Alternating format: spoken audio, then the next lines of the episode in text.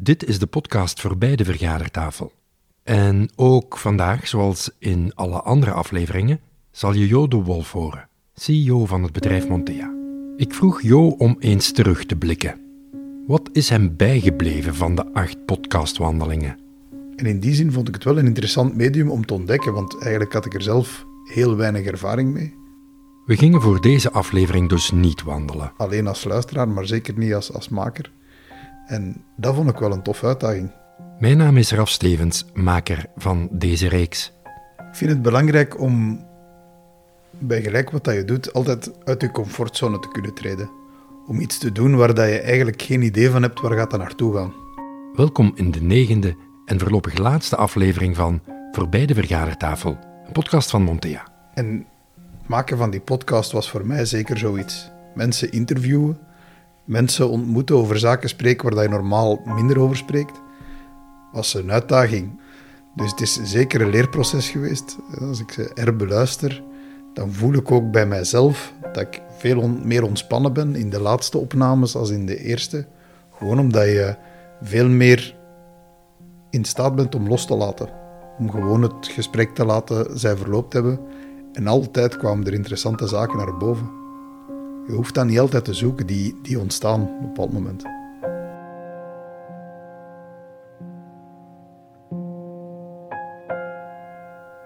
Waarom maakt Montea eigenlijk een podcast? Omdat iemand die naar die reeks luistert ook een beeld krijgt van ons DNA, waar dat we mee bezig zijn, los van onze business.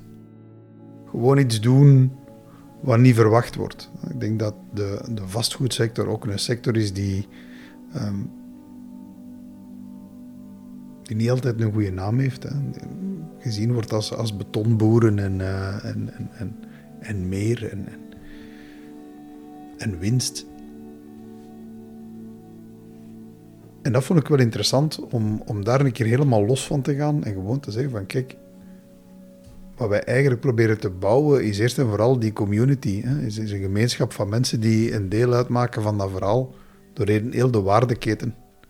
Er waren natuurlijk een aantal gesprekken met mensen die ik puur professioneel ken, waar ik geen enkel idee had over wat hun privé-achtergrond was. En ik denk dat die momenten waarbij dat je ziet van, wauw, van waar dat iemand komt, wat iemand heeft meegemaakt in zijn leven en dat ze bereid waren om dat te delen, dat denk ik toch dat dat de grootste momenten zijn van, uh, van ontdekking. Met Ingrid uh, Keusters gingen we wandelen aan haar vijver. Echt heel ontspannen, heel overschouwend, zowel naar de omgeving als, als naar haar leven. De zaken die goed gegaan zijn, de zaken die, die, die minder goed gegaan zijn. Um, dat was echt een, een grand dame, die daar eigenlijk uh, haar verhaal vertelde met, met heel weinig uh, filters, zonder rond de pot te draaien. Ook een heel, een heel authentiek verhaal, met, met uh, ja, toch veel eerlijkheid. En ik, ik las iets interessants van wat dat je zei over de periode dat, dat, dat Hugo overleden is en dat je dan twee externe CEO's gehad hebt. Ja. Dat een hele moeilijke periode geweest is voor het bedrijf, denk ik toch? Het bedrijf, maar voor, voor onszelf ook. Hè.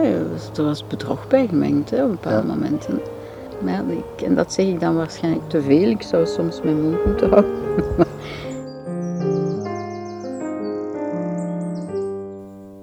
ik ben zelf een grote podcast fan.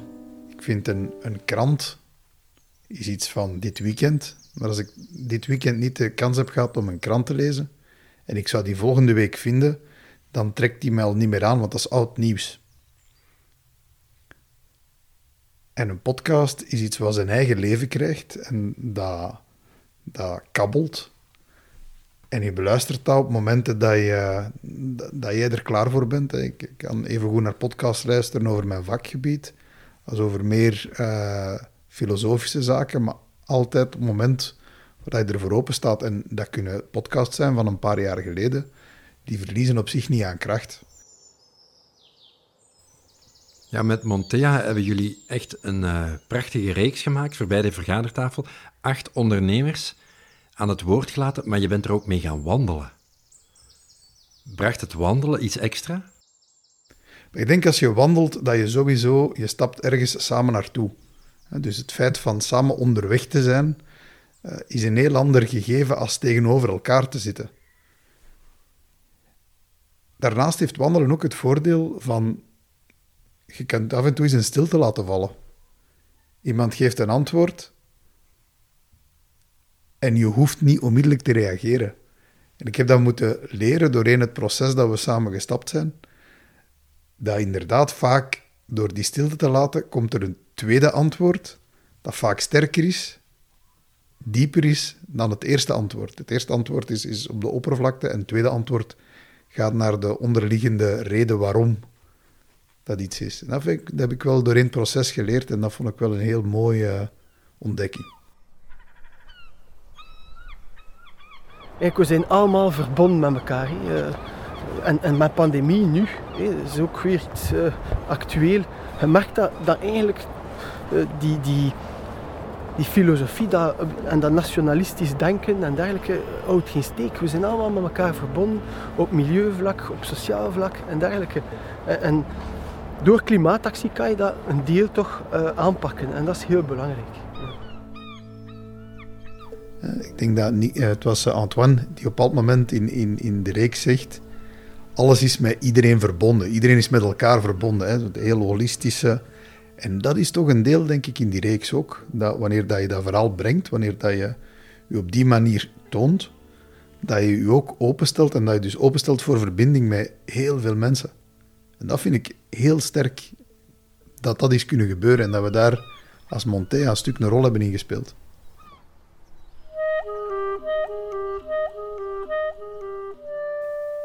Voor mij persoonlijk was het naast het feit van een uitdaging, iets nieuws te doen, iets wat ik niet kende, ook gewoon vanuit een eigen nieuwsgierigheid.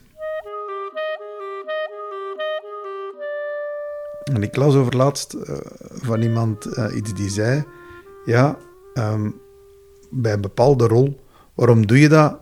Dat past toch niet bij jouw rol? En die man zei: Nee, dat is waar, maar het past bij mij. En dat had ik met deze reeks. Ik ben altijd het menselijke, het, ja, geïnteresseerd in de mensen achter de functie, als ik het zo mag zeggen. En, en dat vond ik wel leuk om te doen.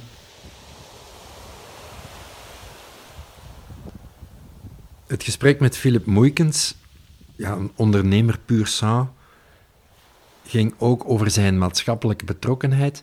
Maar ik herinner het mij eigenlijk ook als een gesprek waar hij des te langer we op tocht waren, alsmaar meer in zijn element kwam. Ja, dat is waar. Ik heb inderdaad, ik heb hem dit weekend herbeluisterd, omdat het toch al van een aantal maanden geleden is dat we hem hebben opgenomen. En inderdaad, het eerste deel is nog heel factueel. Het gaat over business, de manier waarop je in business staat. En hoe verder dat we gaan in het gesprek, hoe meer dat je een filosofische uh, inslag krijgt. Bij app en vloed de mooie dingen die in de zee zitten, die worden alleen maar aangespoeld met de vloed. En je ziet ze maar als de, app allez, als het, eh, de golven zich terugtrekken, dan zie ze liggen. We natuurlijk ook kijken en ze willen zien liggen, maar uh, die zijn toch onlosmakelijk verbonden met elkaar. Moest het water continu tot hier staan, zie je niks wat, dat het gebracht heeft. En ik denk dat dat ook een beetje is zoals het leven. Er zijn veel mooie dingen die we misschien pas later beseffen hoe mooi dat ze waren. Uh, wat dat de waarde ervan is. We zitten soms te veel in de rush van de dag en, en de pure schoonheid vergeet je dan of zie je niet. En ik denk dat allee, we hebben toch als mensen af en toe een keer een bezinningsmoment nodig.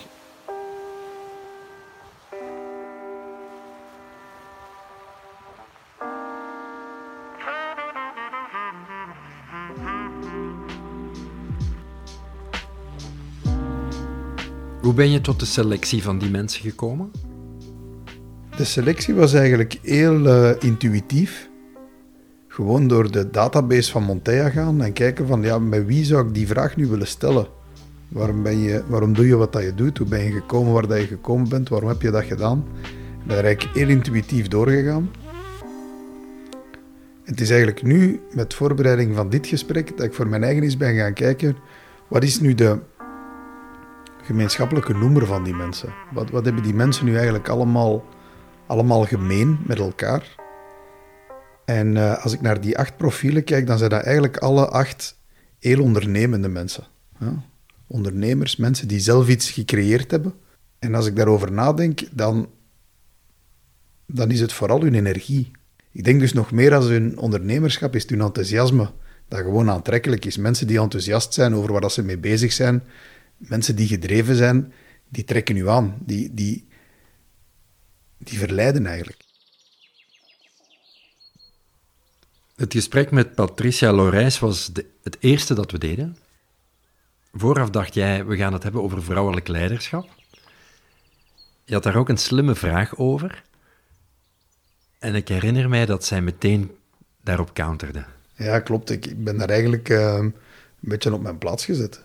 Ik dacht van, uh, ik ga een, uh, een, vrouw vragen die gaat spreken over hoe belangrijk dat het is om vrouwelijk leiderschap in, in onze economie te brengen, in onze maatschappij. Dat vrouwen moeten gepromoot worden naar leidinggevende functies. En ze zei op een moment letterlijk, ehm, een vrouw zou zo'n vraag niet stellen tegen mij. Ze zeggen van ja, het is toch niet omdat als vrouw niet de CEO bent van een bedrijf, dat uw energie daar niet aanwezig is, dat je niet kan bijdragen aan het DNA van het bedrijf. Maar die energie is er, dus moeten we die dan nog meer hebben? Uh, het lijkt alsof dat vrouwen vandaag geen impact hebben als je die vraag stelt. Dus ik denk dat een vrouw die vraag niet zou stellen, omdat we ervan uitgaan dat we gewoon het, uh, vandaag al het verschil maken. Misschien niet altijd in topfuncties, maar dan doen we het wel op een andere manier. En er zijn evenveel mannen als vrouwen op de wereld, dus ik denk dat, uh, dat we er zijn en dat we vandaag al ons steentje bijdragen. Misschien niet altijd op de juiste positie, maar dat, dat, dat komt nog wel. Maar eigenlijk vanaf de eerste aflevering ben ik verwonderd geweest hoe dat mensen openstaan om te delen, om hun verhaal te vertellen en ook hun, hun, hun, hun zwaktes, hun mislukkingen, zo goed als hun successen. Geen een van de acht is een pure success story geworden, hè, want dat zou het echt saai geworden zijn. Als het alleen maar uh, alpha-energie van uh, I'm the best en ik, wist al van in het begin dat ik dat ging bereiken.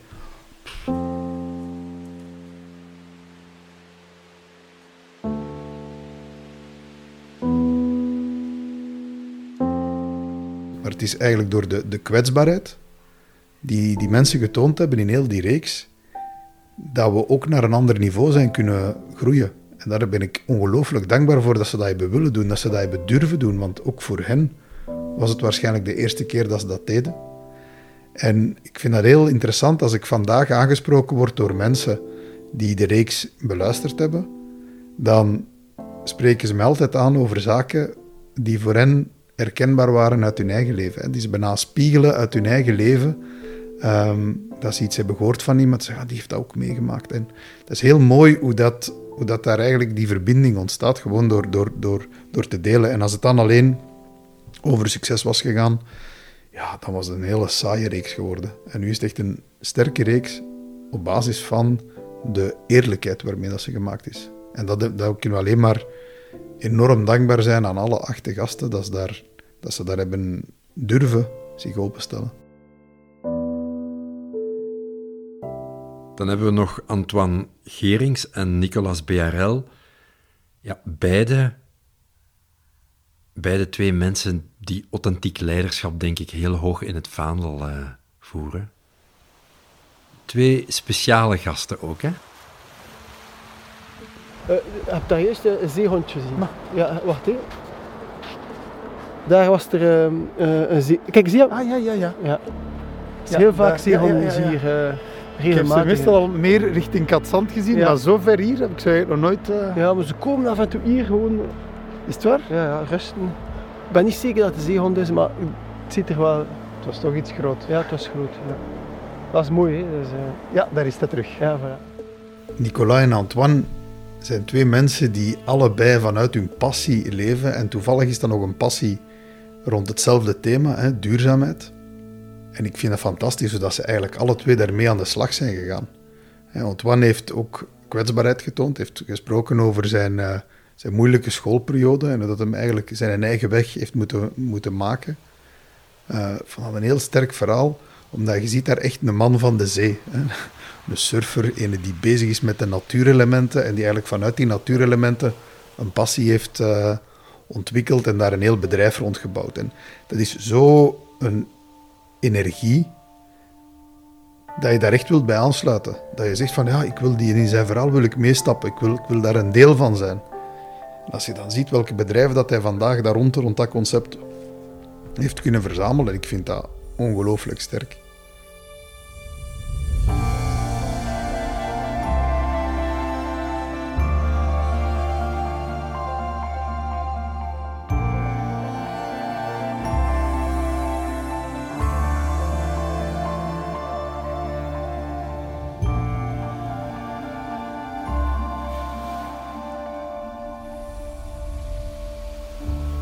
Eigenlijk hetzelfde bij Nicolas. Nicolas is ook iemand die op een moment dat brownfield, redevelopment en, en hergebruik van bestaande terreinen helemaal nog niet hip was. Ik denk dat CO2-logiek van Antoine en, uh, en Revive ongeveer op hetzelfde moment ontstaan zijn, 2007, 2008. Eigenlijk op een moment dat mensen daar nog veel minder mee bezig waren.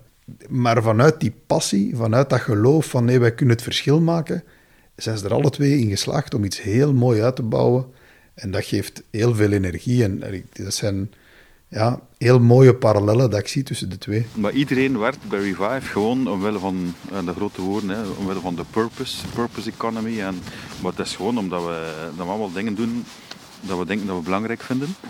En dat je het daardoor ook intrinsiek graag doet. En ik denk dat, dat dat ook een succes is van een bedrijf. Als je een team hebt die intrinsiek gemotiveerd is, dan is het gewoon geestig vinden en als ze familie en vrienden zien dat ze over vertellen en gedaan wat dat bedrijf doet, dan heb je gewoon een veel grotere dynamiek.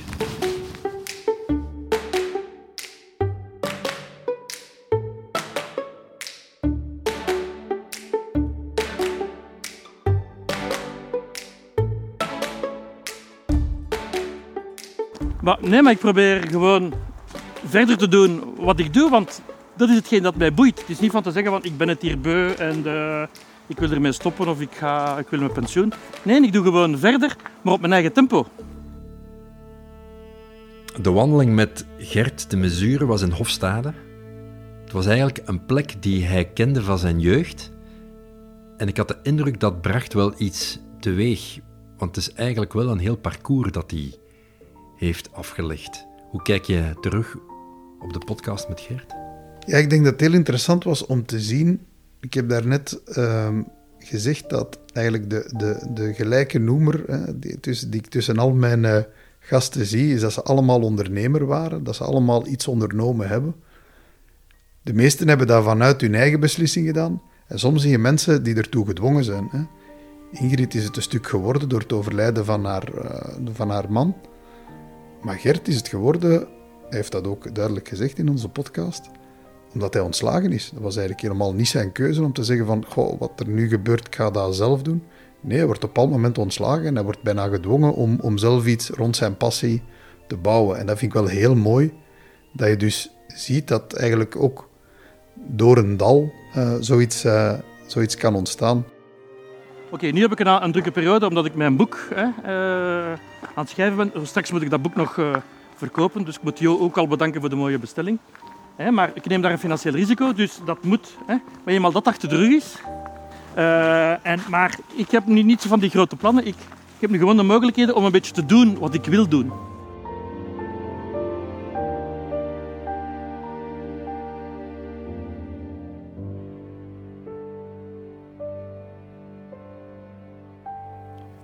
Ik denk dat het mooie aan de reeks is dat we niet in een standaard patroon zijn terechtgekomen. We hebben het gewoon elke keer laten gebeuren. Een paar vragen voorbereid, een paar ideeën, een paar uh, zaken uit de historiek van die mensen opgeschreven. Maar we zijn nooit naar een soort standaard format gekomen. Elke keer is het ontstaan, waardoor dat elke keer, wanneer dat opname gedaan was, er iets anders was als wat ik op voorhand dacht dat het ging zijn. En dat heb ik enorm sterk gevonden. Maar dat kon enkel omdat we gasten hadden die ook bereid waren om daarin mee te stappen en niet enkel een successtory te vertellen ehm, en, op, en op de oppervlakte te blijven. Ze zijn allemaal diep gegaan in hun, eh, in hun emoties en in hun, en in hun historiek. En dat vind ik wel een heel mooi, uh, mooi gegeven van de reeks.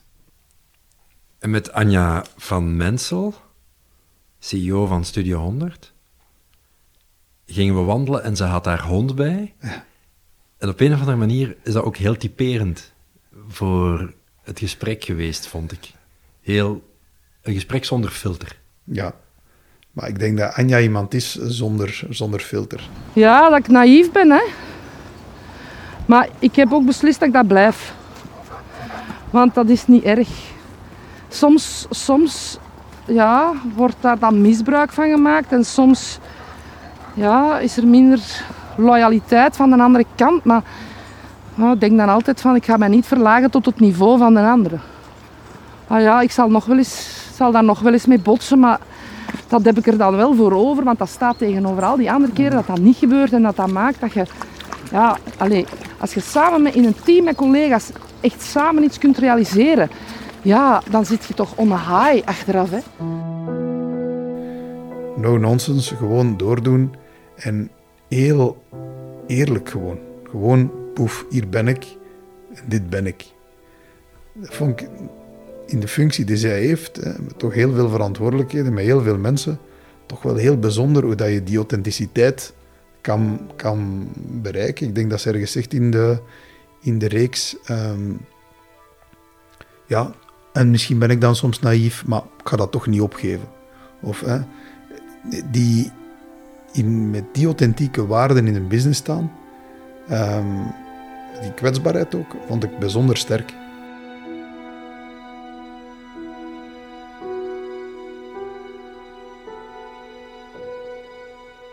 Ja, we zijn natuurlijk de reeks geëindigd met Dirk de Pauw. En Dirk is iemand die je misschien het beste kende, mag je dat zo zeggen? Ja, absoluut. Wij zijn al uh, elf jaar dat we um, elkaar, ik ga niet zeggen dagelijks horen, maar toch zeer regelmatig horen. Um, wat ik vooral bijzonder vond, was, we hebben aan iedereen eigenlijk dezelfde vraag gesteld. Hè. Geef ons een plaats, we spreken af op een plaats waar dat jij um, tot bezinning komt, waar dat je tot rust komt. En dan kom je heel vaak uit bij de zee of een bos of een meer. En Dirk zei onmiddellijk het kerkhof van Merchtem. Ik vind dat heel belangrijk dat je terug kunt gaan naar je roots. Dat je weet van waar dat je komt, welke familie dat je al gehad hebt, hoe dat die mensen geleefd hebben, waar dat die liggen. Aan graven kun je ook veel zien. Hè. Ik leer hier heel veel op dat kerkhof, kom hier regelmatig.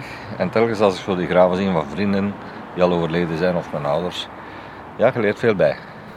En heb ik helemaal nooit verwacht dat, dat we op een kerkhof, dat is een plaats waar ik heel weinig kom, uh, dat, we, dat we de reeks voor een stuk zouden opnemen op een kerkhof. Um, maar dan als je de filosofie erachter hoort, van inderdaad transgenerationeel ondernemen, het doorgeven naar de volgende generatie, dankbaar zijn voor wat geweest is, ja, dan had dat echt, echt wel betekenis om, om, om daar af te spreken. Dat vond ik wel heel bijzonder.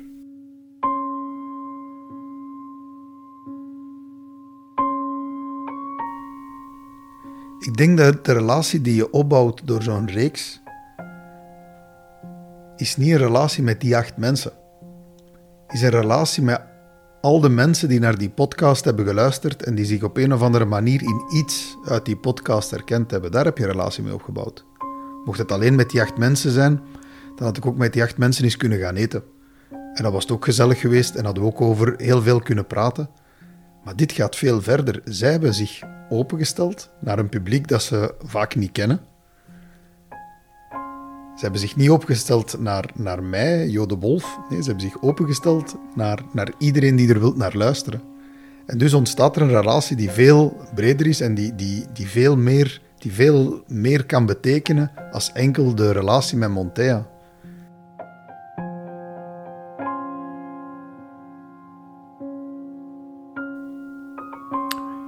Misschien is het goed om op het einde van zo'n reeks vandaag afsluiter te doen. Ken je hem nog? Ongeveer.